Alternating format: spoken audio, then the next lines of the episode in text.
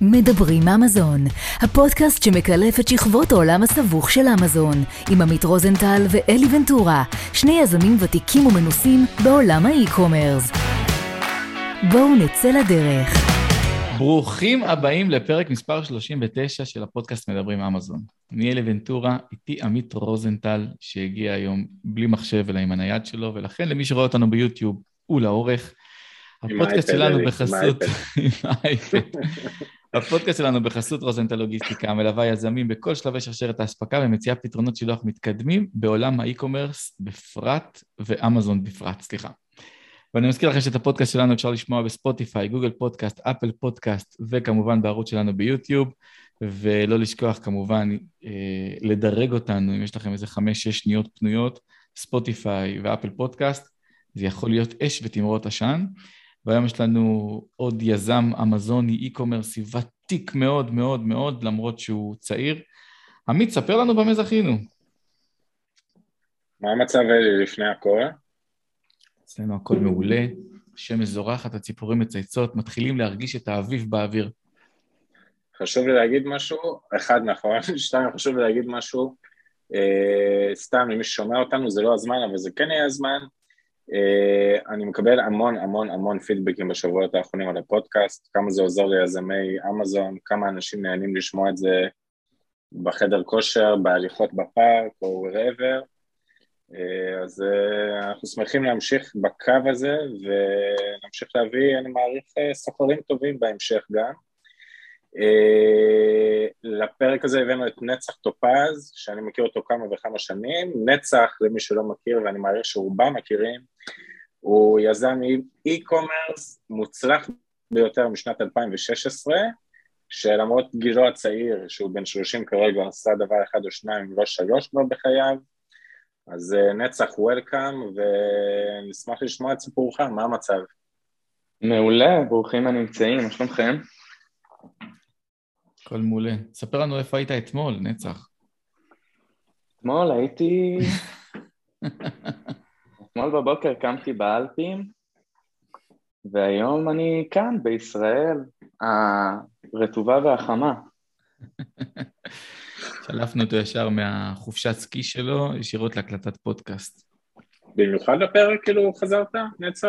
במיוחד לפרק, במיוחד, האמת, האמת שהייתי שמח הייתי שמח מאוד לעשות את זה עם הרקע של האלפי. גם אנחנו, לא? בהחלט. בסדר, גם אתה, בוא נציין שנצח, איפה אתה גר? כרגע? עכשיו אני גר בנהריה. בנהריה, ולפני זה היית בקריית שמונה, כך שהנוף ההררי לא, לא זר לך. כן, תראה, אני צפוני בכל רמ"ח איבריי, גדלתי, נולדתי וגדלתי בקריית שמונה. אה, אני עדיין שם, כלומר חצי מהשבוע אני עוד נמצא שם, אה, מקדמים כמה שיותר יזמויות בצפון, לנסות לפתח כמה שניתן את האזור. אה, זה, זה, זה, זה העולם שאני מכיר, אז אתה יודע, נהריה מבחינתי זה די דרום, אפילו באיזושהי צורה. יאללה, מעולה. אז טוב, יש לנו המון המון המון דברים לספר מההיכרות הקצרה שלי איתך. אז בוא נתחיל מההתחלה. אה, ספר לנו מתי אתה נכנס לאמזון, מה אתה עושה ככה חצי שנה לפני שנכנסת לאמזון, מה גורם לך להיכנס לאמזון, ונתקדם משם. אוקיי, okay. uh, טוב. לפני אמזון, לפני שנכנסתי לאמזון, האמת היא שעברתי את אחת התקופות הכי קשוחות ש... uh, שעברתי, אמנם הייתי רק בן 24, uh, בוא נגיד שהיו עסקים שפחות צלחו גם לפני אמזון. היית יזם עוד לפני אמזון בגיל 24? אה, כן, כן, בתחום המזון, בתחום האירועים, אה, בתחום המזון ובתחום האירועים היה מאוד מאוד אה, טוב, מאוד מעניין ומאוד קשוח. אז זה בסוף, זה, זה, בוא נגיד את זה ככה, הייתה תקופה מאוד קשוחה, בעצם כשאני התחלתי את אמזון הייתי בלי כלום. כשאני אומר בלי כלום, אני מתכוון למשכורת של 5,000-6,000 שקל בחודש, אה, עם אה, ילד בדרך, אה, עם ילד בדרך, משכורת של 5,000 שקל, כן, אתה יודע, משכורת מאוד מאוד נמוכה, רואה איזשהו פרסום אפילו את הכסף לקנות את הקורס לא היה. כלומר, לקנות את הקורס שהייתי, שרציתי וזה, שלחתי לחברים, אמרתי להם, תקנו, זה נראה לי מעניין, אה, והשתמשתי בשלהם. אה, ככה רכבתי על, רכבתי על הגן. אבל אה, כן, אז תראה, אתה יודע, בשנת 2016 אני עם משהו כמו 3,000 דולר בתשלומים, מתחיל את, מתחיל את התהליך באמזון, מתחיל לראות קורס, מתחיל לחפש תכנים באינטרנט, שם את כל מה שיש לי, ובתוך חודשיים אני כבר עם מוצר ראשון באמזון, מכרתי מוצרים, מוצרים לבר. המותג היה נקרא Q-Bar Accessories בזמנו, אבנים לוויסקי, קוקטייל שייקרס, כל מיני דברים כאלה מגניבים, אבל התחלתי בעצם אבנים לוויסקי, וזה היה מוצר הדגל. Q-Bar, Q-Bar, היה מעניין. איזה קורס עשית? ישראלי או אמריקאי? ישראלי. ישראלי, okay. אוקיי. מאוד יסודי ברמה הטכנית, אני לא יודע אם uh, אפשר לחקור, לחקור כאן, אתה יודע, לפתוח פה uh, שמות וכולי, אבל uh, מאוד מאוד יסודי ברמה הטכנית, uh, מאוד לא רלוונטי בכל מה שקשור ברמה העסקית. Mm. כלומר, זה, זה, זה בעצם היה הדבר שזוהה שם, ואני חושב שמה שהיה הסוויץ' זה דווקא הכישלונות והנפילות שהבאתי איתי מהעבר, שאלו שיעורים שלמדתי מהם ויישמתי אחר כך את המסקנות, שהם בכלל לא קשורים לאמזון. בעסק, בכלל לא קשורים לאמזון, שזה אומר אה, דבר ראשון זה לפתוח התכנות, לפתוח טבלת אקסל, כלומר אתה יודע ברמה הכי בסיסית לראות כמה זה באמת שווה. אה, החישוב היה, אני זוכר שאמרו איך, איך לחשב את, ה, את הרווח שלי מאמזון בקורס, זה היה לקחת את עלות המוצר, להוסיף את עלות השילוח ולהוסיף 15% פרסום ועמלות אמזון. זה okay. ככה, וה, והרווח, ומה שנשאר זה בעצם הרווח, אז אתה יודע, זה, זה משהו היה לא נתפס. אמ, אחרי יום באמזון אתה מבין שזה לא באמת ככה. גם ב-2016. אותי מעניין כאילו לחזור דווקא אחורה, כאילו איך הגעת בכלל, זאת אומרת שאתה עבדת על משהו שהוא אחר לגמרי, יזם יזם, אכן, אבל היית משהו שהוא אחר לגמרי לגמרי, איך בכלל הגעת לעולם הזה של אמזון, ומה כל כך סקרן אותך להיכנס אליו בכלל מלכתחילה? לא, ולמה דווקא לזה? זאת אומרת, יכולת כנראה לבחור, אתה יודע, היה לך סוג של דף לבן מאחוריך בקטע הזה. תשמע, זה היה אה, פוקס מוחלט. פשוט שמעתי על זה מאיפשהו, דברים שרצו כזה באיזושהי קבוצת וואטסאפ, שאמרו, אה, ראיתם את זה? מה, מה אתם חושבים על, לפתוח עסק באמזון, ושוב, פשוט נכנסתי וחקרתי, אתה יודע, נכנסתי לעומק, התחלתי לראות סרטונים, התחלתי לחפש, אה, אה, לנסות לשמוע סיפורים מאנשים פה בארץ, כמה, כמה יזמי e-commerce היו כבר בתקופה ההיא בישראל, אנחנו מדברים על אה, עשרות, זה הכל. Mm-hmm. לא היו, ומי שהיה, היה מאוד מצליח, ומי שהיה כבר ידע לזהות את, ה, את העולם הזה, אז זה היה לעצור הכל ופשוט להיכנס בכל הכוח. כשאני עובד במשרה מלאה, עבדתי בתל אביב, גרתי בצפון, וואו. זה אומר ארבע שעות, ארבע וחצי שעות נסיעה ביום, זה שעתיים ברכבת לכל כיוון, שבהם אני לומד ומיישם את מה שאני לומד בו באותו יום. ככה שבאמת היה לי את הארבע-חמש שעות האלה היומיות, לתת מאה אחוז מעצמי. אמ, ולדעתי זה גם מה שעשה את ההבדל, כי אם הייתי בבית והיה לי את הזמן לשבת ולכסות, אז uh, לעשות מה שאני רוצה, אני מאמין שלא בטוח שהייתי משקיע את הזמן שלי כמו שהשקעתי ב, ב, בחמש שעות הממוקדות האלה אה, שהיו לי ביום. אני רוצה לנסות להאמין גם שכאילו זה שהיה לך ילד שדפק על הדלת אה, גם כאילו קצת, אה, אתה יודע, מפקס אותך, לא יעזור כלום, זאת אומרת, it's now or never כזה. לגמרי, זה היה ממש ל-now or never והכל או כלום, וזה הכל, כל הסיסמאות שיש, זה פשוט היה כמו לעלות על, אה, על, אה, על רכבת הרים בשיא המהירות שלה. זאת, זאת האנרגיה שהייתה בהרגשה, בבטן, בדרייב, בדחף, בהתרגשות. פשוט לתעל את כל האנרגיה הזאת לתוך משהו אחד. וזה מה שיוצא, זה, מה, זה, זה, זאת בסוף התוצאה, כלומר של משהו שהוא מאוד מצליח. כמה זמן לקח מהרגע שבעצם עשית מחקר שוק, או מהרגע שהתחלת את הדרך בקורס, ועד לרגע שיצאת לייצור? בתוך חודשיים המוצר היה כבר באמזון. איך הגעת לכזה דבר? ב-60 יום המוצר היה באמזון, אה, התחלתי את המחקר באפריל 2016, mm-hmm. התחלתי בעצם את, ה, את, ה, את הקורס, וזה היה פשוט לעשות באותו רגע את כל מה שדובר עליו, באותה שנייה, לחפש את הספק באותה הדרך, זה אומר שביום אחד מצאתי את הספק, אחרי שכבר פתחתי טבלה עם השקעה של חמש שעות עבודה, אה, עשיתי את, המשא ומתן הישראלי, אה, כמה זה לחמשת אלפים יחידות, טוב, אני רוצה להזמין חמש מאות, אה, באותה מחיר, אתה יודע, כל, כל ניואנס, כל טריק שאפשר היה ללמוד, לשלוח את זה באקספרס, שמונה ימים המוצרים ב, ב, היו במחסנים, שלושה ימים הם כבר אה, בליסט, uh, יומיים אחרי זה מוצר ראשון נמכר עם uh, קופון של 75% הנחה לריוויו ראשון. זה היה אוטוסטרדה. מטורף. פעם ראשונה שאני לפחות שומע סיפור כזה, כאילו מהמקום הזה של כאילו, אלי, אנחנו כמה יזמים שלמדנו שכאילו לקח להם עשרה חודשים, רק החיפוש, ואז המשלוח, והתחילו, אני לא יודע, בפברואר, ו... וסחורה כן. ראשונה הגיעה באוקטובר-נובמבר, פה אתה כאילו שומע, אתה יודע, מה זה פלנטה אחרת, אבל בקטע כאילו קיצוני. בוא, אני יכול, אה, לפני שנצח מגיב, אתה כבר מתחיל לשמוע מהסיפור, הילד בן 30 עשה כל כך הרבה דברים, כולל ילד בגיל 24, ש, שהקצב התקדמות שלו הוא הרבה יותר מהיר מהממוצע. אם אני מבין נכון, תקן אותי אם אני טועה. אמ, תראה, היה הרבה יותר פשוט אז. גם היה הרבה יותר פשוט, זה חד משמעית. הרבה יותר פשוט, אתה מוציא הזמנה למפעל, הוא אומר לך, אני יכול להוריד את זה לרצפת ייצור בתוך אה, אה, שבעה ימים. מוריד לך את זה לרצפה. כמה זמן ייצור? יש לך 28 ימים. כולל ללכת לקחת את האריזות הממותגות, כולל הסמפלים שנשלחים אליך תוך שלושה ימים. זה היה, הייתה תקופה מדהימה לעשות באי-קומרס. שילוח, אתה שולח דור טו דור, שבעה ימים, במחיר מצחיק. מצחיק לכל הדעות לעומת היום, כלומר היום לדעתי המחירים כבר פי עשר ופי חמש עשרה ממה ששילמתי אני.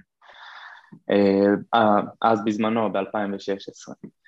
אה, זה, זה עבד מהר, זה היה, הייתה, הייתה הרגשה של משהו שקורה, של הזדמנות, של משהו, אה, של משהו שאם אני לא מנצל אותו עכשיו, זה, זה, זה יעבור, וזה לא יהיה. ואתה מבין רוצה... את זה? אתה רואה את זה כאילו? אתה, אתה, אתה מבין את זה ב-day one ואתה אומר, אוקיי, עכשיו אני צריך לעשות scale-up, כי השלושת אלפים דולר האלה לא יספיקו כדי להפוך אותך להיות, אה, אה, אתה יודע, בעל חופש כלכלי ולהתפטר מהעבודה. נכון. תשמע, כשאני פתחתי את הטבלת אקסל וראיתי את ה... רעננתי את התוכנית העסקית אחרי שהמוצר הגיע לאמזון, כי אז אתה מבין באמת מה העלויות. Mm-hmm. כלומר, אתה יודע, כבר אז, אז ידעתי לחשב כמה מוצרים אני שולח בהנחה, ולחשב את ההוצאות של זה, לא היו מערכות שהיו, אתה יודע, היום אתה מתחבר, עושה שני קליקים, יש לך את ה profit ב, בכל אחת מהפלטפורמות הגדולות, ויש לך את הכל מול העיניים. כמה באמת אתה מרוויח ומפסיד. לא היה, לא היה את זה. נכון. אז אה, בניתי את התוכנית קדימה, עדכנתי אותה אחרי, ואני אומר, אוקיי, מזה אני מרוויח, משלושת אלפים דולר האלה אני מכניס 12 אלף דולר, מה-12 אלף דולר האלה אני מביא פי ארבע מלאי, ואז אני מכניס מהם 40 אלף דולר, ואז זה לא קרה ככה. דרך אגב, זה ממש לא קרה ככה. אה, זה ממש לא היה, אבל אבל כן, אתה מבין שיש פה הזדמנות וצריך להכות בהכל. עכשיו אין מימון, אין, אה, לא היה כזה קל להביא מימון. שוב, הייתי בלי כלום אחרי נפילה מאוד מאוד קשה, זה לא שהייתי בלי כלום, הייתי עם מינוס אדיר להתחיל את החיים בו בגיל 24. ו... אבל כן, הייתה הרגשה של משהו שעומד להתפוצץ ושאני חייב להיות שם. שאין סיכוי שאני לא נמצא שם. וזה לא משנה מאיזה תחום הגעתי לפני, כלומר עשיתי כל כך הרבה דברים עד גיל 24, אם זה בתקשורת, ואם זה בתיאטרון, ואם זה במוזיקה, הייתי בלהקה צבאית, הייתי מופיע, הייתי עושה הפקות, הייתי עושה כל כך הרבה דברים, אה, אבל תמיד, תמיד כשנכנסתי למשהו זה היה במאה אחוז, כלומר בכל הכוח פנימה. מגניב. אה, אז בוא, בוא, בוא, בוא נתקדם בסיפור. איך אתה בכל זאת מתקדם לשלב הבא, איך אתה עושה scale-up, איך אתה מתפוצץ עם הדבר הזה? טוב, כמה זמן לקח לסחורה בעצם להימכר, הסחורה הראשונה, 500 יחידות? שלושה חודשים, אבל אה, זה כבר לא היה... אחרי שלושה חודשים כל העסק עבר שינוי בעצם. אוקיי. Okay. היה, היה שינוי מאוד גדול. בזמן ש... שב-28 ימים שהיו, ב... שהמוצר היה בייצור, עוד מעט הייתי רוצה שנדבר באמת על, ה... על המקום הזה של... זה מתחבר למה שאתה שאלת לגבי המחקר של המוצר ואיזה מוצר להביא. כן. ב-28 ימים ש... שהמוצר היה בייצור, אני עבדתי אה, אך ורק על מיתוג ובנייה של קהילה למוצר, לנושא. אני מכרתי מוצרים, אה, מוצרים לוויסקי, בסופו של דבר, אבנים לקירור וויסקי. אה, אז יצרתי קהילה של וויסקי, קבוצות פייסבוק. יפה. נתחיל להוסיף לשם את האנשים, להתחיל לחפש בקבוצות אחרות, להזמין אנשים, לפרסם את האי-בוק שכבר היה מוכן, לפרסם אותו בקבוצות אחרות עם הזמנה לקבוצה, אה, לעשות איזושהי הגרלה למי שנמצא, ובקבוצה היו משהו כמו 150 איש ב-20, בסוף ה-28 ימים כשהמוצר נכנס. בעצם החלוקה הראשונה שלי לא הייתה בקבוצות ריוויוז אה, מוכרות יותר, אלא הייתה בקבוצה של חובבי וויסקי. Mm, יפה. כלומר, קבוצה שאני כבר הקמתי ויצרתי והעליתי בה את התכנים, וזה אומר כל יום לחפש איזה, לחפש תמונות אה, באינטרנט של אנשים שמצלמים בקבוקים, כלומר שיראה אותנטי, ולשאול, ומה אתם שותים היום? כלומר, ברמה כזאת של תחזוקת קהילה. אמ, זה היה... תגיד, זה משהו ש... אני, אני עושה רגע, פותח סוגריים, זה כן. משהו שהיית ממליץ לסלר שמתחיל היום לעשות גם? אני עכשיו, אה, אתה יודע, בונה מוצר לסכין שף לצמחוניים. לבנות לי קהילה של צמחוניים, לפני שהמוצר עוד מגיע לאמזון, לפני שהמותג שלי, מישהו מכיר ומישהו שמע עליו? אה, אני אענה בתשובה אפילו יותר רחבה. תעשה בסופו של דבר כל דבר שהמתחרים שלך לא עושים. שנותן לך איזשהו יתרון קטן. הרי הקהילה היא לא מה שגרמה למוצר להצליח, אבל היא הייתה עוד אחוז אחד יותר ממה שהמתחרים שלי עשו. אוקיי, okay, מגניב. זה, זה, זה מה שזה, זה יכול להיות, זה יכול להיות קהילה, זה יכול להיות, אה, אתה יודע, לדבר עם חברים או לחפש uh, חנויות לשים בהן ברושורים, אתה יודע, זה יכול להיות כל דבר, כלומר כל דבר שבעצם יקדם עוד אחוז אחד יותר ממה שהמתחרים. אה, כי בסופו של דבר אתה בשוק תחרותי, ומה ש... הם, הם, הם יזרימו traffic, אני אזרים traffic, כולם יביאו traffic, ה traffic מ traffic קיים, מה שנשאר זה עכשיו לנצח את התחרות בדרך זו או אחרת. אוקיי, אז בנית אה, קהילה. אז הייתה את הקהילה, וכשאני התחלתי לקבל reviews למוצר שלי, החברים רצו גם, אז אה, שאלתי את קהילת ה... את חובבי הוויסקי שלי, אם אכפת להם לקבל גם מוצרים שהם לא קשורים לוויסקי. אה, כמו אוזניות בלוטוס, ווטרמלון סלייסר, אתה יודע, כל המוצרים אה, היה את המלחיות שהלך אה, מאוד מאוד טוב בתקופה ההיא. שאלתי אותם אם מעניין אותם לקבל, וכן, הם היו מעוניינים לקבל. הם היו מעוניינים, הם קיבלו מוצרים בהנחות והתחלתי לגבות כסף על הקהילה הזאת, על פרסום בקהילה הזאת, ובסופו של דבר מחובבי וויסקי הם הפכו לחובבי הנחות. אמ, ואם הרווח שלי למוצר, אה, ל- ליחידה שהייתי מוכר היה 4 דולרים, על פוסט בפייסבוק הייתי לוקח 50 דולר שהם רווח נקי.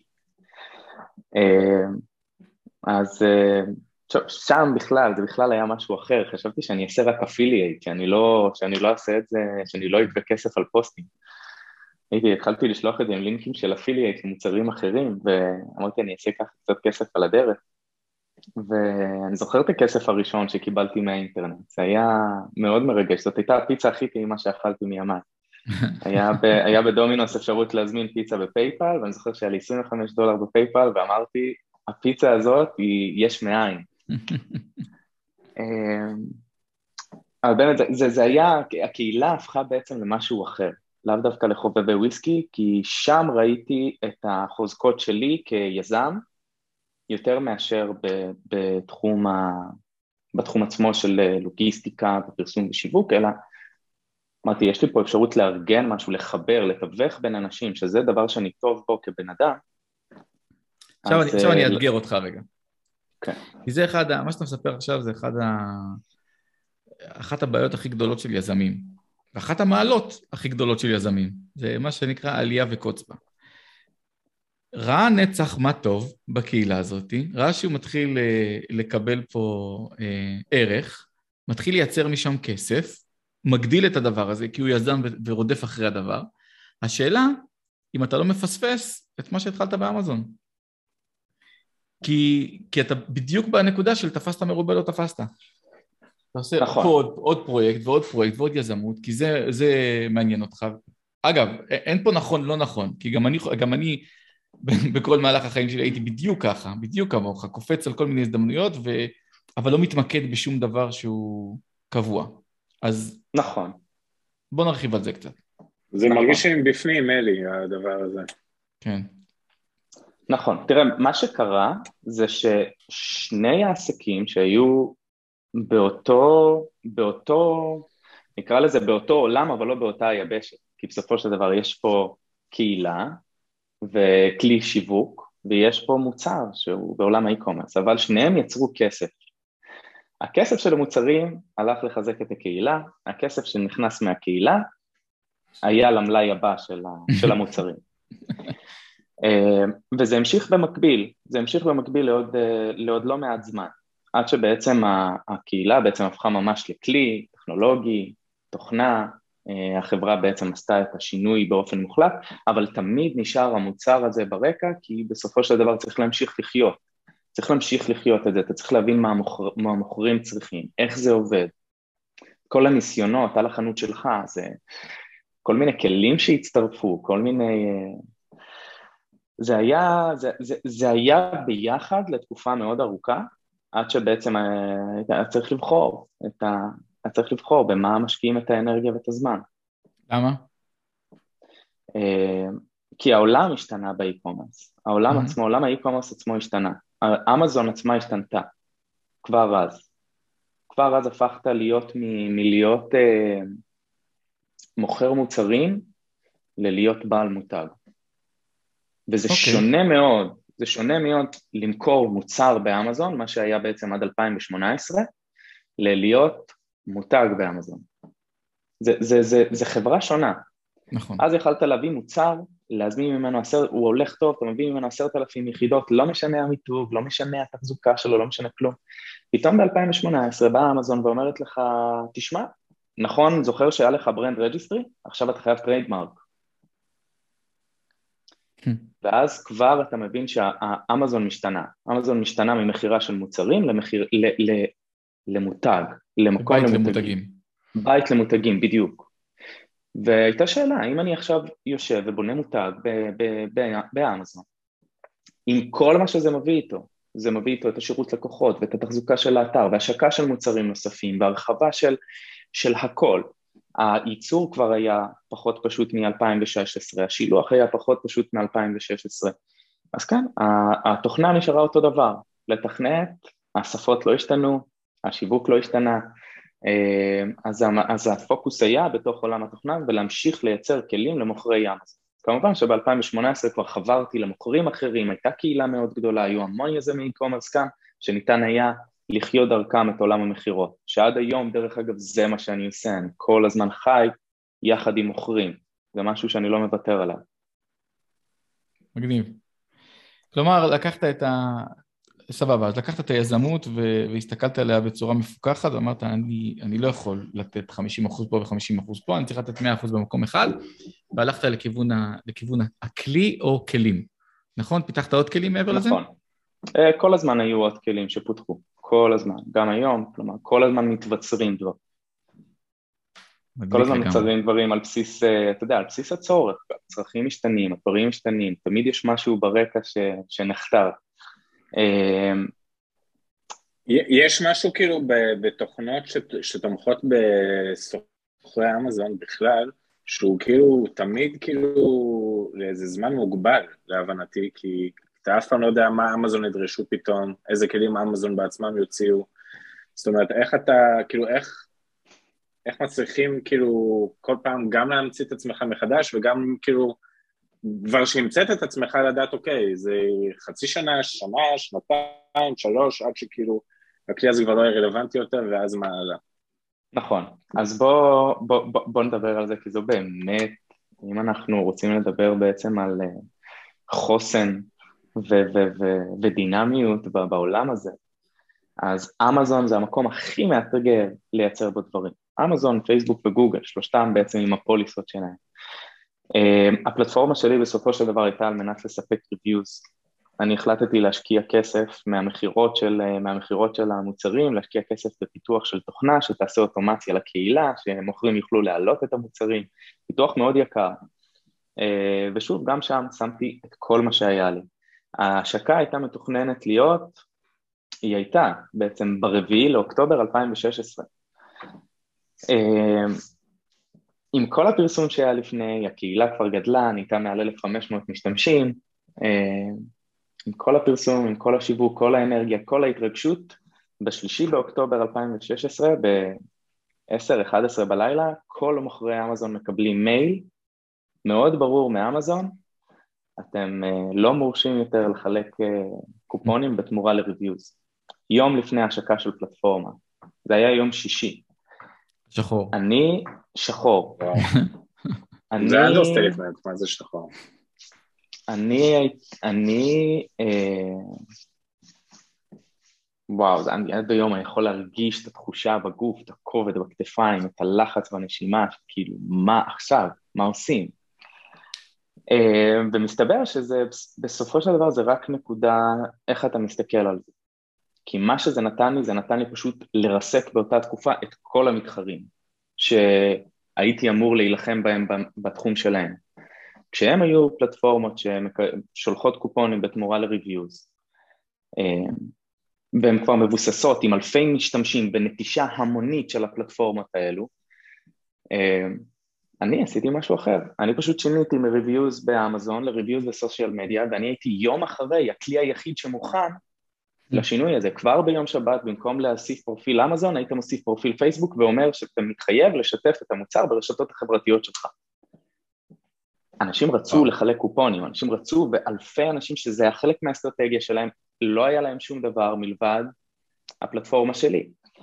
אז אה, אם בזמנו קראו לפלטפורמה שלי Review Stars עם R, זה היה הלוגו, זה היה R כזה, אז אמרתי, טוב, אני משנה גם את ה-Review Stars, בגלל שאני לא יכול להשאיר את זה. אף אחד לא מכיר את המותג, אני עוד לא בחוץ. כבר באותו יום זה השתנה Booster. אה, עם אותו המיתוג, כי כל האתר ממותג. אז היה, זאת הייתה בעצם הברכה הכי גדולה שקיבלתי. אמנם ה policy ומה שזה הביא איתו זה היה מאוד אה, קשוח, מה שהיום חווים RebateKey ו Elite Sellers, שכל הזמן יושבים ומשביתים אותם היום, אה, אני הסתכלתי על זה בעצם כעל ברכה, זו הייתה, ה... זו, זו הייתה ההסתכלות שלי. עם כל הקושי, עם כל הכובד, זה היה להגיד, זו ההזדמנות הכי גדולה שקיבלתי. אמרת ש... מדהים, באמת. באמת כן. סיפור מדהים, לא? זה, אתה יודע, זה, זה, זה משהו שיכול לקרות ליזמים, ואני אוסיף ואגיד, זה משהו שיכול לקרות ליזמים ישראלים, שיודעים לעשות פיבוטים מאוד מהירים. כי...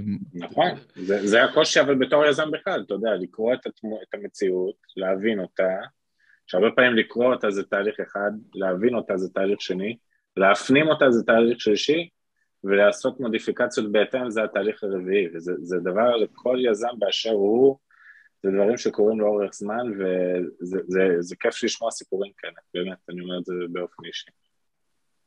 חד משמעית. האם בשלב מסוים בוער בך הצורך לחזור למכור באמזון מוצרים? אה, כן, בטח, כל הזמן, כל הזמן, והמחשבה הייתה,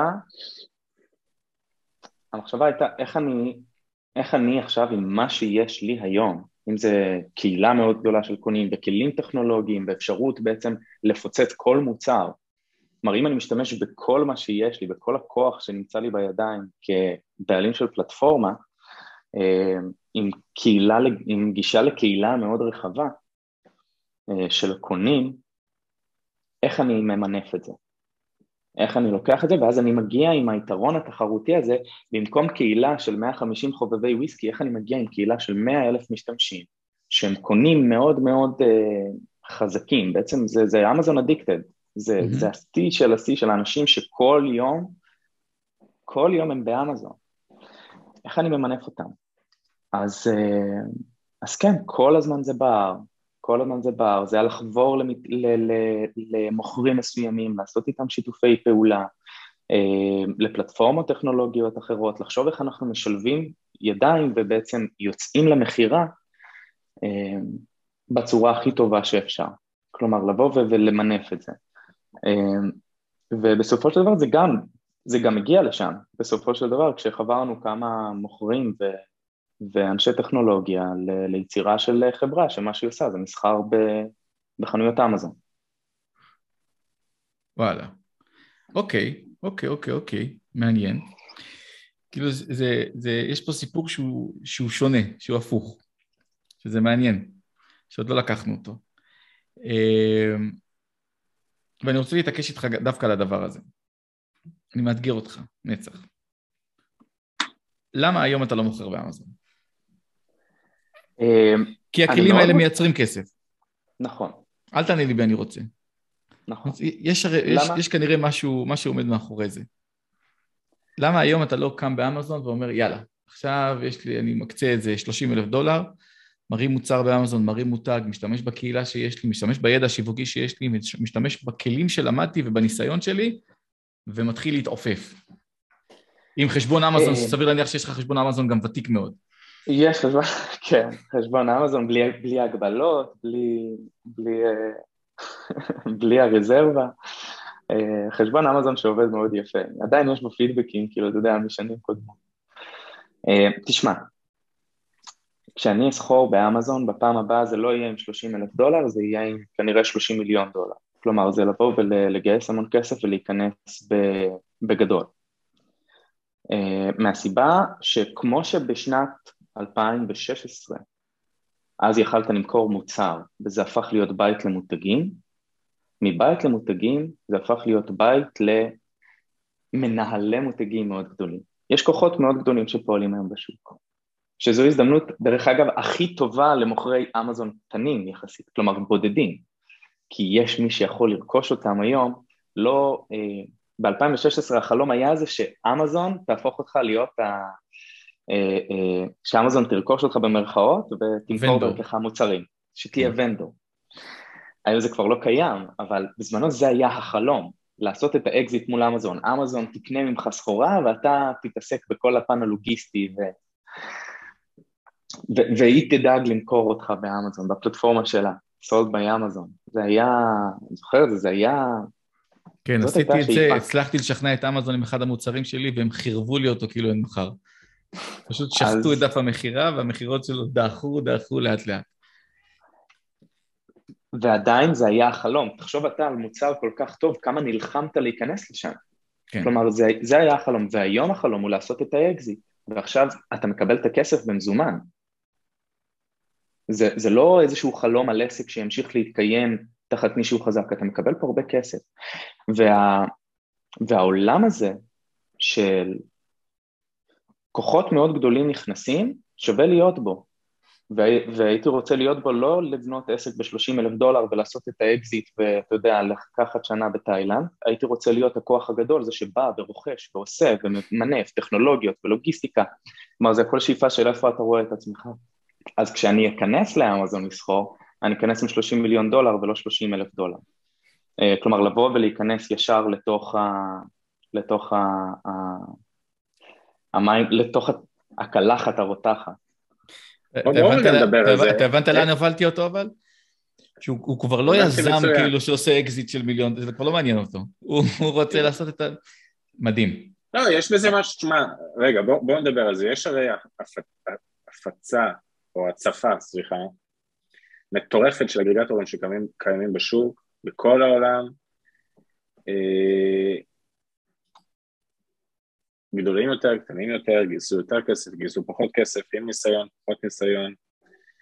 אה, אין ספק, אלי והיה לנו על זה שיחות רבות בנושא הזה שהעולם הולך לשם, בסדר? ברור שככל שקשה יותר למכור באמזון, וצריך יותר כסף, אז קל יותר שאתה מגיע ממקור של כסף, ומגיע אנשים טובים שמכירים את העבודה הזאת לבנות מותג יותר גדול.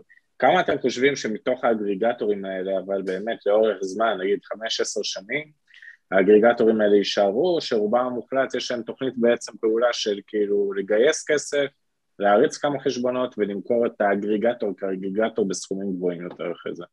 בדיוק. אז עמית, בוא, בוא, בוא נסתכל על זה כמו על כל עסק אחר, כי בסופו של דבר להיות אגריגטור זה פשוט להיות מוכר אמזון בסכומי כסף יותר גדולים. כמו שעשרה, חמישה עשר אחוזים המוכרים מאמזון מצליחים בצורה מסוימת, ככה גם באגריגטורים. אתה יכול לראות את האגריגטורים שקונים כל מה שבא ליד, כי הם יכולים. ואתה יכול לראות אגריגטורים שיושבים ועושים בחינה מדויקת, ומשקיעים בצוות ולא במוצרים שהם רוכשים. להחזיק המון מלאי זה לא, זה לא יתרון אם אתה לא יודע למכור אותו בצורה נכונה, אם אתה לא יודע לנהל אותו בצורה נכונה, אז הכסף פה הוא לא רק למלאי. הדבר הכי חשוב זה בסופו של דבר זה אנשי צוות טובים, אנשי. מסחר. אני כאיש טכנולוגיה יכול לבוא ולהגיד לך שאנחנו לא שווים כלום, טכנולוגיה לא שווה כלום ולא תיתן לך שום יתרון משמעותי אם אין לך שרשרת לוגיסטיקה חזקה. כזו שיודע, שאתה יודע שיש לך מוצרים למכור, הרי כמוכר e-commerce, כמישהו בתחום האי-קומרס, המטרה שלך היא לספק מוצרים, נקודה. אתה לא מוכר לוגו, אתה לא מוכר נכון. פרסום בפייסבוק, אתה מוכר כן. מוצרים. אם יש לך אותם, אתה יכול למכור אותם, אם אין לך אותם, אתה לא שווה כלום. נכון. אז שרשרת לוגיסטיקה, זה אומר יצור ורצפת ייצור אמינה, שאתה יכול לסמוך עליה, כמה שאתה יותר קרוב אליה יותר טוב, דרך אגב. פוגש לא מעט מוכרים שמתחילים להעביר את הייצור שלהם לפה לארץ או לכל מדינה אחרת בעולם שהם יכולים להיות קרובים אליה. אז רצפת ייצור אמינה, שילוח אמין, אחסון אמין, יש לך פה ארבע נקודות בדרך, אני לא מדבר על כל הנקודות הקטנות שאתה כאיש לוגיסטיקה מכיר הרבה יותר טוב איך זה עובר מהשער של הנמל דרך המכס, ו... יש לך את הייצור, את השילוח לנמל, את השילוח לארצות הברית ואז את השילוח למחסנים לאמזון. אם יש לך את אלה, לאחר מכן אתה, אתה גודל. אז פה המקום לבוא ולהביא את האנשי מקצוע הכי טובים שניתן, ואת זה האגריגטורים יכולים לעשות. לאחר מכן, להשקיע בפרסום בצורה הטובה ביותר שניתן. להביא את התמונות הטובות ביותר, לעשות את הפרסום הרחב יותר, לבנות את עצמך כמותג ברמת המיתוג, ברמת החברה, פתאום אתה הופך להיות חברה עם הוואי. החברה הופכת להיות כמו כל חברת הייטק אחרת. שזה אירועים וזה משאבי אנוש וזה דברים שמחלחלים לאנשים, לא, לא, לא, לאופי, חברה עם ערכים, ולאו דווקא חברה שרק מוכרת מוצרים, משלחת, עושה פרסום ממומן באמזון ומזמינה מחדש מוצרים.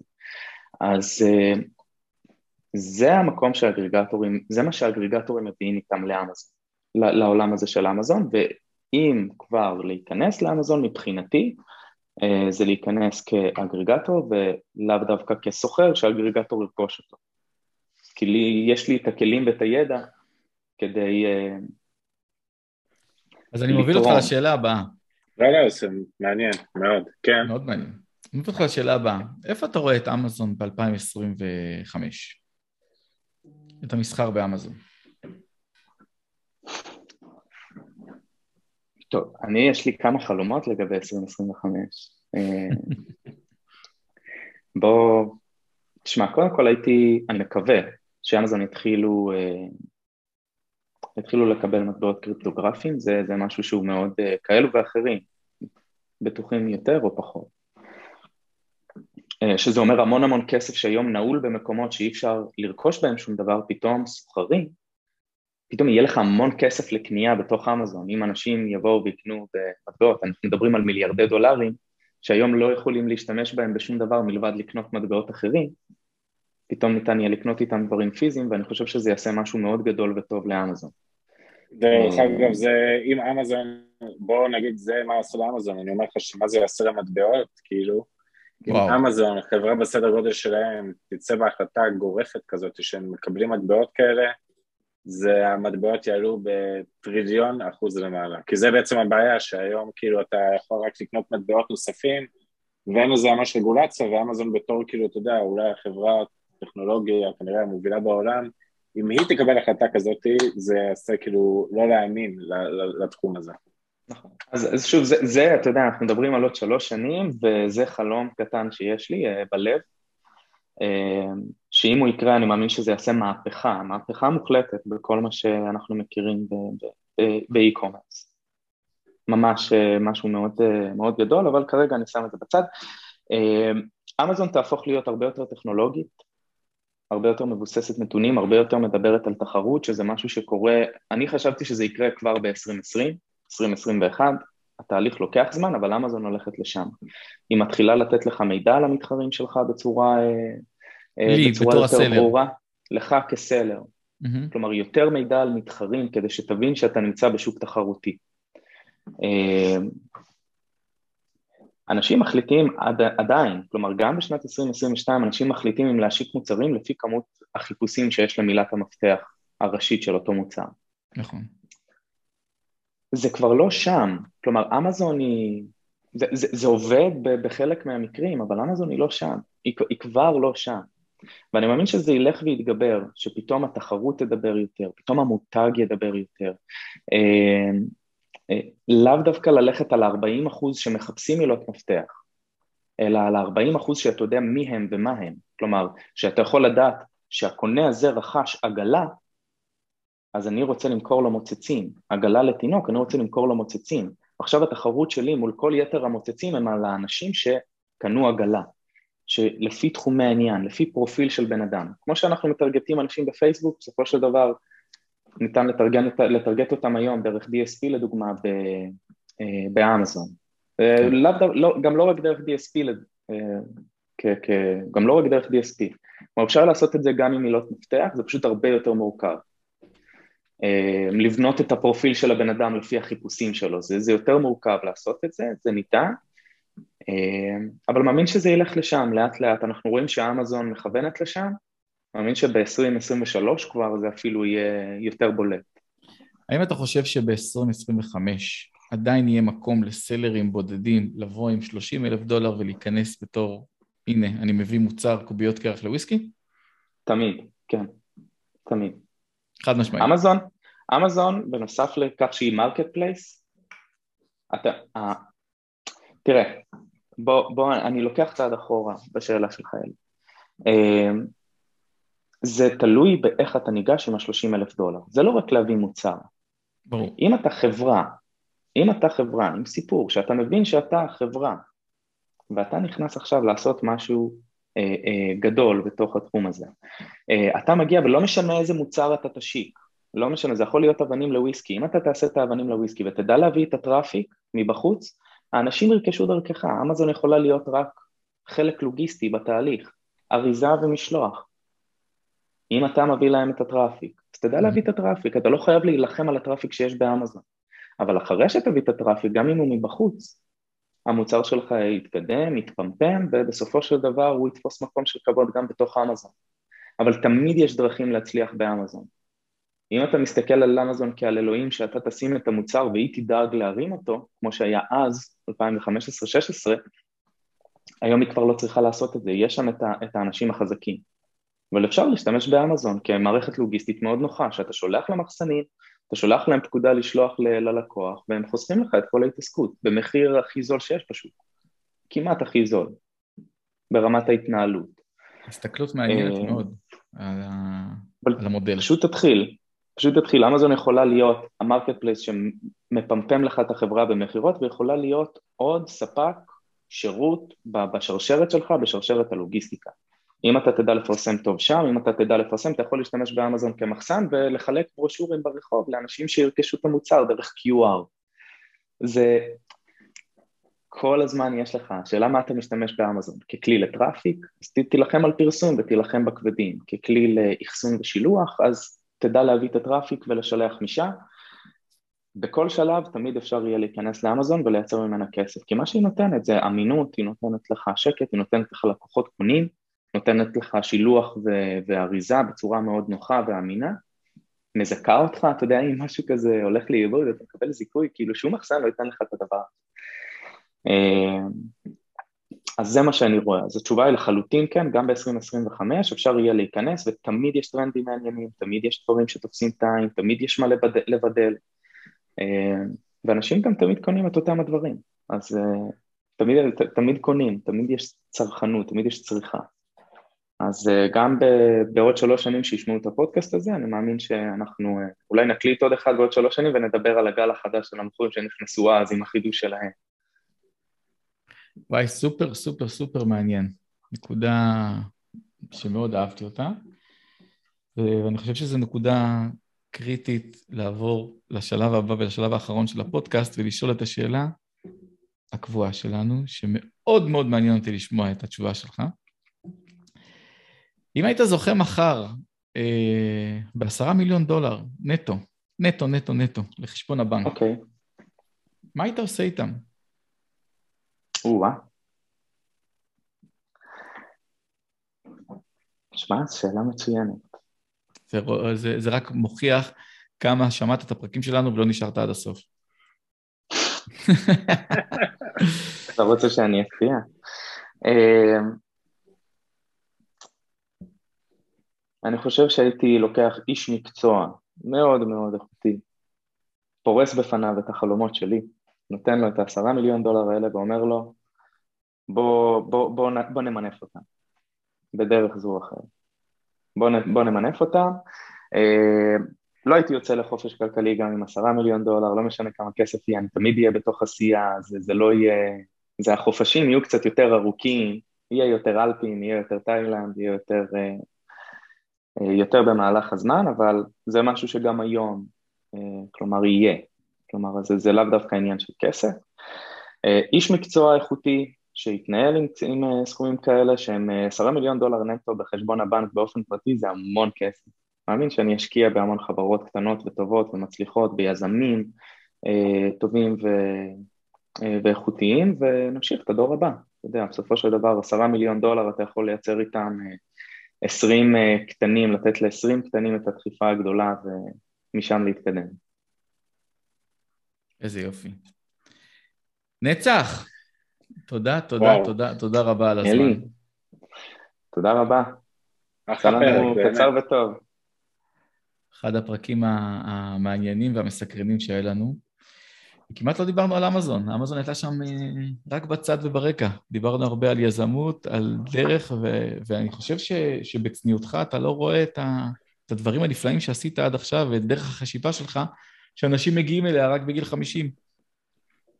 אמ, תראה, אני, אני מאוד אוהב את העולם של אמזון. אמזון היא הייתה המקפצה אולי הכי גדולה שהייתה לי בחיים באופן אישי, לשינוי אישי שלי, לכן אני לא מסתכל על אמזון רק כפלטפורמת מסחר, מבחינתי זה, זה עולם שלם, שאני חי בו, שאני משקיע בו את הזמן, את האנרגיה, את החשיבה שלי. אלי, כמה פעמים בשבוע, כמה פעמים בחודש אני מתקשר אליך עם שאלות כאלה ומוזרות לחלוטין על מכירות, על... על... אה, הראש שלך לא מפסיק לחשוב. אתה יודע, למכור מאפריקה ולייצר, וכל הזמן, כל הזמן זה קורה, כל הזמן זה שם. אה, זה העולם, זה העולם, ומאוד נהנה ממנו, ומי שמקשיב, אז אה, מקווה שימשיכו, שייכנסו לשם, זה... יהיה, יהיה טוב, יהיה ממש טוב בשנים הבאות. אז אנחנו מאחלים לך רק בהצלחה, ותמשיך לעוף ו... וואלה, בוא נעשה עוד פרק, עוד שנה, ונראה לאן הגעת. יהיה מעולה. בהצלחה, נטע, ממש סיפור מעניין, באמת. תודה, עמית. תודה, אלי. יאללה. ביי. ביי. ביי.